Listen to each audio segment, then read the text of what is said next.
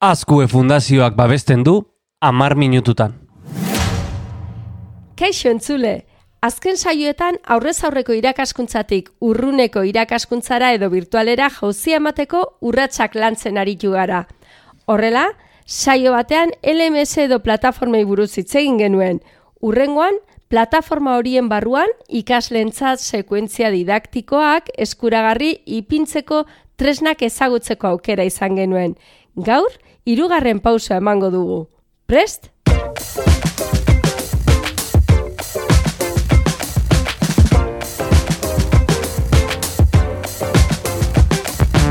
Maite goni naiz, eta hau amar minututan da, hezkuntza eta teknologia, hau da teknopedagogia, uztartzen dituen podcasta.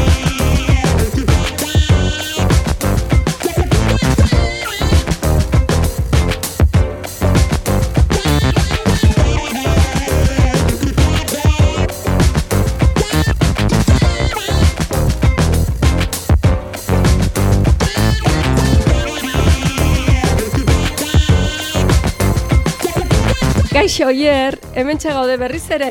Bai, bai, bai, bai, bai. Bueno, ni bakizu klase batera ere ez dela faltatzen, eh? ba, gaur, irugarrena, bueno, irugarrena ari honetakoa, eh? Esan du sarrera hainbat estrategiari buruz hitz egin behar dugula. Ba, bai. Ba, iruditzen bat zaizu, arira joango gera. Oso ondo, eh, aber kontatzea zuen, irugarren honetan zer, eh, zer eh, ikasiko dugun.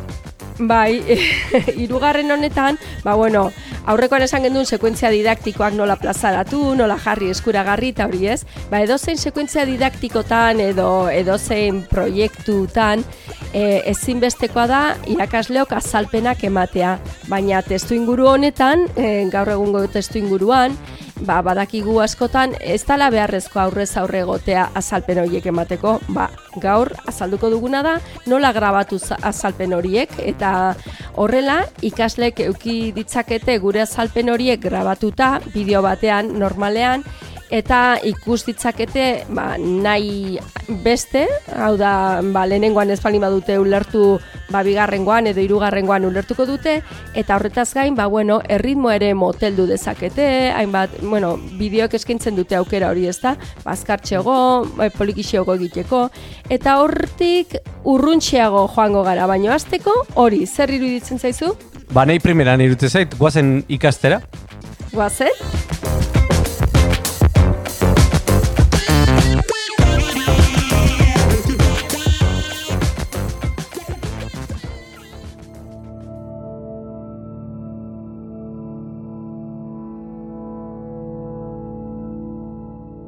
Tira maite, pentsatzen egon naiz pixkat, eta e, hau e, zeure buruak grabatzen azalpenak ematen, e, bideotutorial bat da, ez? Bai, hori da, e, bueno, e, grabazioak egin ditzakegu irakasleak modu ezberdin askotara, ez? E, imaginatu oso gustura zaudela edo behar duzula arbela, betiko arbela, eta han idatzi, garatu, mm, idea bat, zerbait.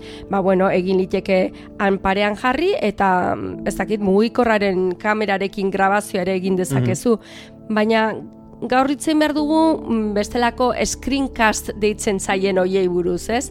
Screencasta da, pantailan agertzen dana, zuk pantailan ordenagailuko pantailan ikusten duzun hori grabatzea.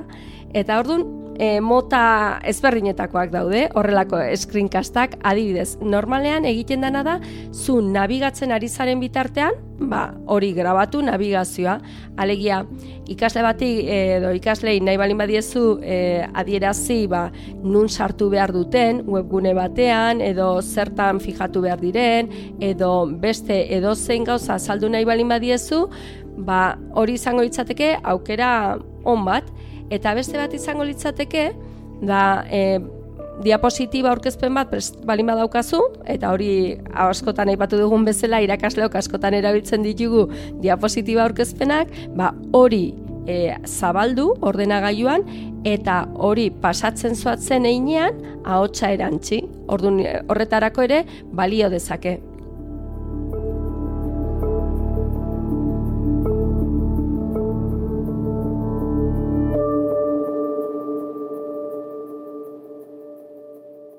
pentsatzen ari naiz, hau gure garaian ametxetako zerbait zela, ze, ze e, guk pagatuko nuke e, e, pira egin eta eta hala ere klaseak errepasatzeko eta irakaslea entzuteko aukera izateko, behin eta berriz, ez? Hori da. E, bada beste beste modu bat e, irakaskuntza ulertzeko baita.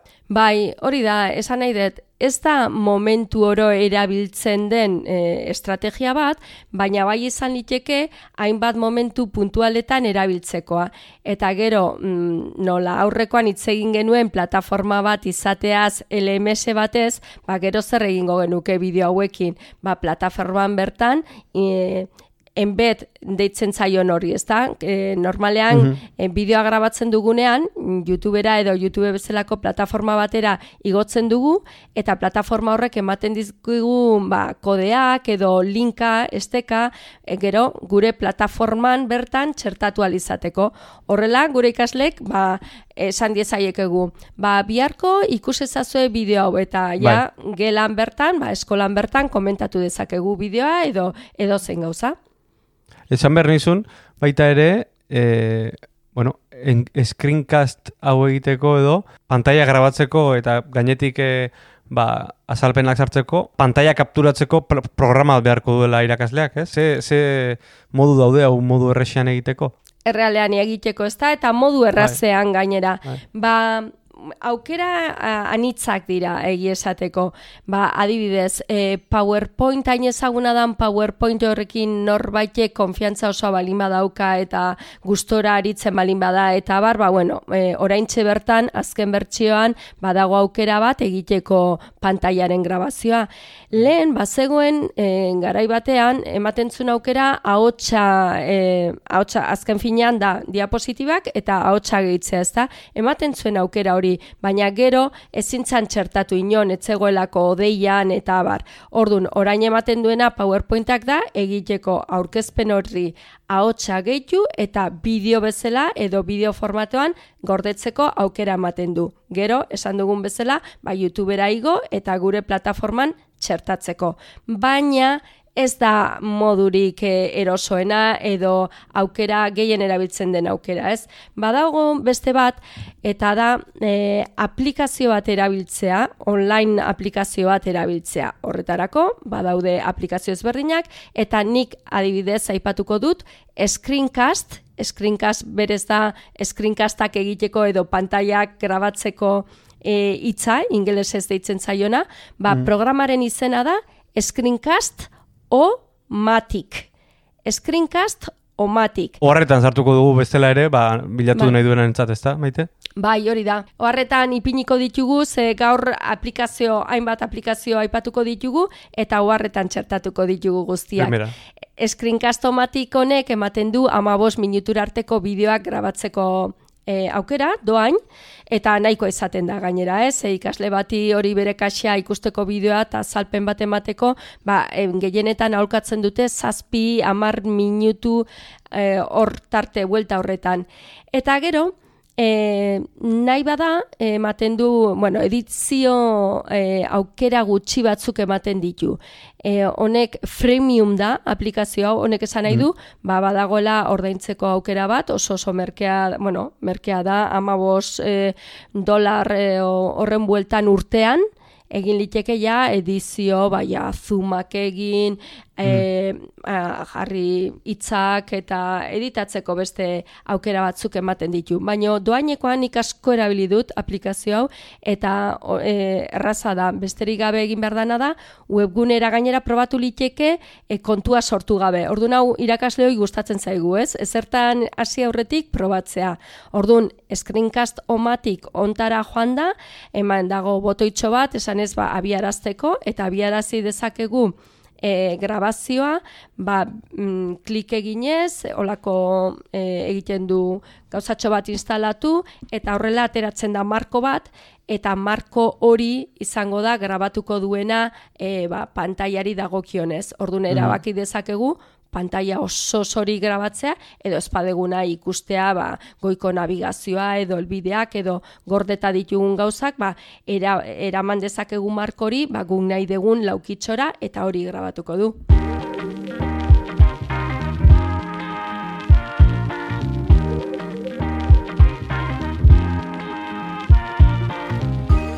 beste aukera bat oso oso erraza, izan liteke abian ipintzeko modukoa, ba, egin beharren olako lineako aplikazio bat erabili beharren, e, erabiltzea e, nabigatzailean instalatu dezakegun gehigarri bat.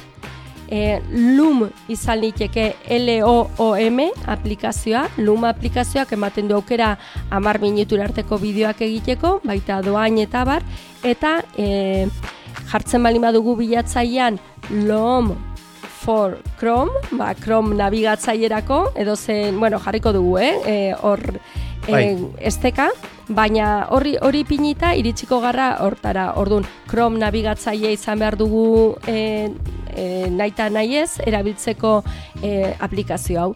Eta ordun behin instalatuta gehigarria nabigatzailean edozen gauzatxo grabatu nahi dugula, besterik gabe klik egingo dugu botoitxo horretan, nabigatzailean dugun botoitxo horretan, eta emango digu aukera, ba bueno, ez dut esan screencast-o-matikekin, baino gauza bera da, gure aurpegitxoa hor azaltzeko iskina batean, badakizu ez, oier? Bai, gamerrek egiten duten bezala. Horixe da, horixe esan zegero eh, horren inguruko gauzatxo bat eh, azaldu behar dugu, ba orduan eh, zure aurpegitxoa ikusten dala edo ez, orduan esan nahi dudana eh, aukera dagoela, ipintzekoa, eta gero Bai. ematen du aukera baita, bakarrik eh, kamera, ordenagailuko kamera eta zu hitz egiten azaltzekoa, edo ohikoena dena, ba, pantailan ikusten duzun hori, zuk hautatzen duzun hori, gehi zure ahotsa eranztekoa. Hori da, gehien erabiltzen duguna e, irakasleok. Mhm. Eta gero ematen du, ba, bideoa gesten duzu, e, eta esportatzeko aukera ere ematen du, ba, hori YouTubera igotzeko, eta bar. E, gainera, Loom honek ere ematen du zuzenean txertatzeko kodea. Ordun hau ere aukera on bat da. Screencast-o-matik ere gauza bera. Ematen dute beraien plataformak beak, ematen dute ba, inora i, ez badugu igo nahi in YouTubera edo beste plataforma batera, ba, beraiek ere ematen digute kodea txertatzeko gure plataforman.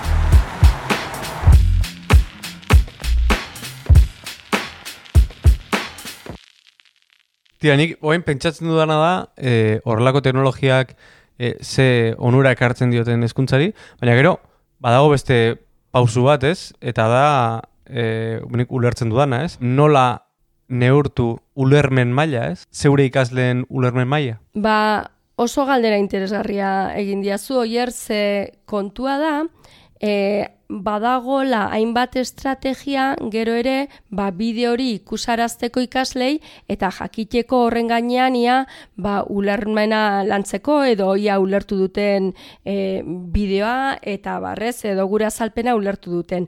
Horietako bada ba, bideoan bertan txertatzea galderak ulermen galderak. Baina badaude beste estrategia batzuk. Ba, ulermena egiaztatzeko, adibidez, e, nahi balin badizkiogu erantzi galderak, modu asko daude hemen ere, ze beti abanikoa zabaltzen da edozein puntu txikitan, ezta? Baina nola Bai. ez dugun zoratu nahi jendea, ba, mugatuko gara aukera bakar batera. Kasu honetan, aholkatzen, bueno, aholkatu edo behintzat nik erabiltzen dut asko, etpuzle. Etpuzle e, aplikazio bada, eta aplikazio honek ematen du aukera, behin kontua sortu behar da, eta behin kontua sortuta, egin dezakezu bertako edo kanal ezberdinetako bideo bat hautatu, eginda dagoena, YouTube, TeacherTube, Khan Academy, aurrekoan aipatu genuena, bueno, Mhm. edozein e, oirietako edozein bideo bat hautatu dezakegu eta haien gainean e, gure galderak ipini. Imaginatu, ba, formula bat azalpen azaltzeko bideo bat topatzen dugula oso interesgarria edo historiako momentu konkretu baten bideo bat eta bar, ba, gure egin dezakegu. Beraz, bideo hori hautatu eta modu e, nahiko intuitiboan ematen du aukera edo nahi balin badugu gure e, oa, e, ahots oharrak txertatzeko aukera ematen du, bideoa mozteko eta gero e, gehien erabiltzen den aukera eta orain azalduko dudana da galderak egiteko aukera. Orduan, zuk ipintzen gehitzen dezu e, bideoa puntu jakin batean, galdera egin nahiko zenukeen puntu horretan, eta Bai. horretan ja, ba, astentzea, ba, e, multiple choice edo aukera nitzeko mm, galdeketa horiek egin ditzakezu, eta galdera irekiak ere bai. Orduan, ba, bueno, eta gainera ematen du aukera, gero e, ondo erantzuten dionari zerbait feedback bat emateko, edo gaizki erantzuten duenari ere zerbait esateko, edo beste esteka bat emateko, sakontzeko gaian, eta bar, ordun dira oso tresna potenteak, ez, aukera asko ematen dituztenak.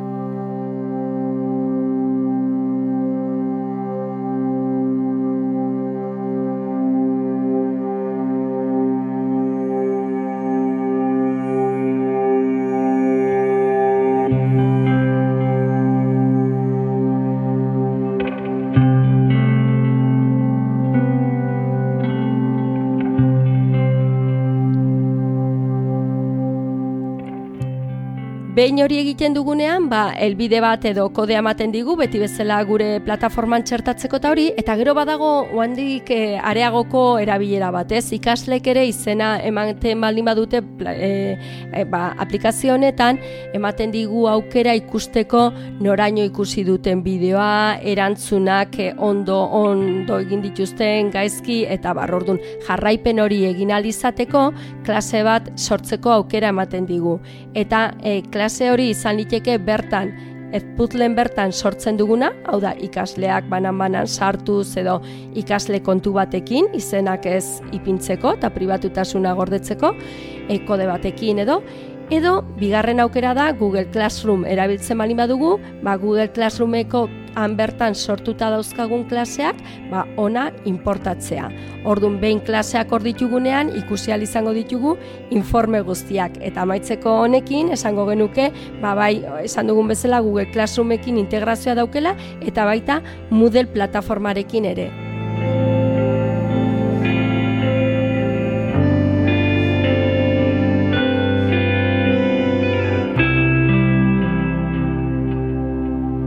Tira maite, e, pentsatzen eta pixkat hitz egin duguna kontuan hartuta, badan, bada ere bai, irakaskuntza zentzu batean nahierako mundu honetara doitzea ere, ez? Ze, oain badirudi dana nahieran e, e, bueno, hartzen dugula, eta hau ere bada, nola ere, ba, zuri ikaskuntza prozesuan neurri batean behintzat, e, zeure ritmura ekartzea eta zeure nahieran e, egitea. Bai, bai, bai, e, alaxe da, besten, e, hainbatetan e, hitz egin dugun bezala, besten baliabideak gurera ekar ditzakegu, edo gureak e, ba, mixa egin dezakegu, ez? Gure baliabide propioekin, ba, hainbat gauza gehigarri erantzi, eta bar, ba, aukera mordo-mordo badaude, ez da? Beste mm. estrategia bat, adidez neri interesgarria iruditzen zaidana, zetakit e, irakasleontzat, izan liteke, bueno, esan dugu, bale, bideoa guk grabatzen dugu, ez? Screencast-omatik edo loom edo itakon bat erabilita. Bai. Eta gero e, badaukagu eranstea galderak edo badaukagu e, galderak eransteaz gain ba, komentatzea elkarrekin e, bideo hori iruzkinak egitea, bata besteari erantzutea eta bar. Ba horretarako badago aplikazio bat bialoges deitzen dena bideo eta mm dialogs edo dialogoak edo hortik e, uztarketa horretatik datorrena, bialoges, eta izan liteke tresna bikaina eztabaida sustatzeko ikasleen artean. Orduan ematen duen aukera da, hori bideo bat ipintzen duzu, baita ematen du aukera galderak, inkestak gehitzeko, eta honen e, indargunea izan liteke nolabait esatearren, ba, iruzkinak egitearena eta ordu hau ere gero esarliteke bai egiten diren iruzkin hoiek eta bialog osoa sart dezakegu ba, gure LMS-ean edo blogean txerta dezakegu. Baita ematen digu, etputlek bezala edo e, beste aplikazio batzuek bezala ematen digute kodea eta ordun imaginatu hoier, e, txerta bai. dezakegu gure Moodle plataforman adibidez, web horri batean, e, besterik gabe bideo bat, edo bideo bat gehi galderak. Gero, bera, ikasleak inora joan gabe, mudelen bertan erantzuten dute eta gu jasoko genuke hoien erantzunak eta bar. Eta gauza bera, Bai. ba, bialoges honekin, ez? Oso, ba, neko interesgarriak iruditzen zaizkit, olako estrategiak erabiltzea, ba, alde batetik gure zama hori gelan azalpenak emateko zama hori aurrezteko e, eta aprobetsatzeko, ba, bertan aplikatzeko bideoietan ematen diren azalpenak, eta baita ikasleko juta daude bideotara, eta bar, orduan, bideo interaktiboak ipiniz, ba, nik usten dut beraientzat ere, ba, klasean guri entzuten egotea baino, agian momentu batzuetan interesgarriagoa izan liteke.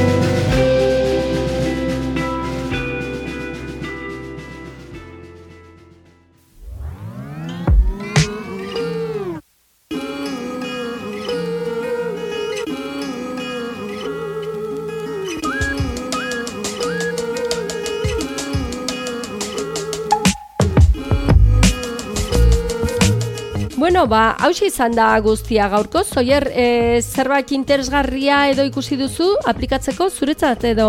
Bueno, niretzako azteko eta behin, e, iruditzen zait aurrera pauso asko, asko ari dira ematen e, irakaskuntzan, ez? E, Mhm. Zan nahi dut, nahiko nukela hau dena, ne, nire e, ikaskuntza pro, prozesu horretan e, izan, ez? Bai. E, edo aukera hauek izan. Iruditzen zait oso interesgarria dela, eta eta bueno, ba, nire alabarentzat ere etorkizunean pues, onura ekarriko ditula olako prozesuek. Hori da, ematen dute aukera ja, ikasleen jarraipena egiteko eta gainera ba, bueno, aurrezteko hainbat denbora ba, beste zereginetara emateko. Ba, hemen utziko dugu, ondo iruditzen bazaizu, badakizue, e, ba, nun gaudela, oier, esan. nei, nei pasatzea zuhor pelota, eh? nun gaude. bueno, gaude, ba, klaro, nila itzen den, nahikoa. bueno, gau- gaude Twitterren eh, abildua amar minututan. Eh? Amar zenbakiarekin amar minututan. Baina baita ere audio plataforma guztietan. Spotify, Google Podcast, Apple Podcast, Stitcher, iBox, okurtzen zaizun guztietan. Eta arpidetzen baldin, ba, arpidetzen baldin bazara, ba, lehenengoa izango zara, abisua jasotzen eh, audioa igo orduko. Ze ondo azaltzen Ja, dezu. ja, ohituta nago, ohituta nago. Urrengora arte. hemen utziko dugu. Agur, agur. Ale, aio, aio.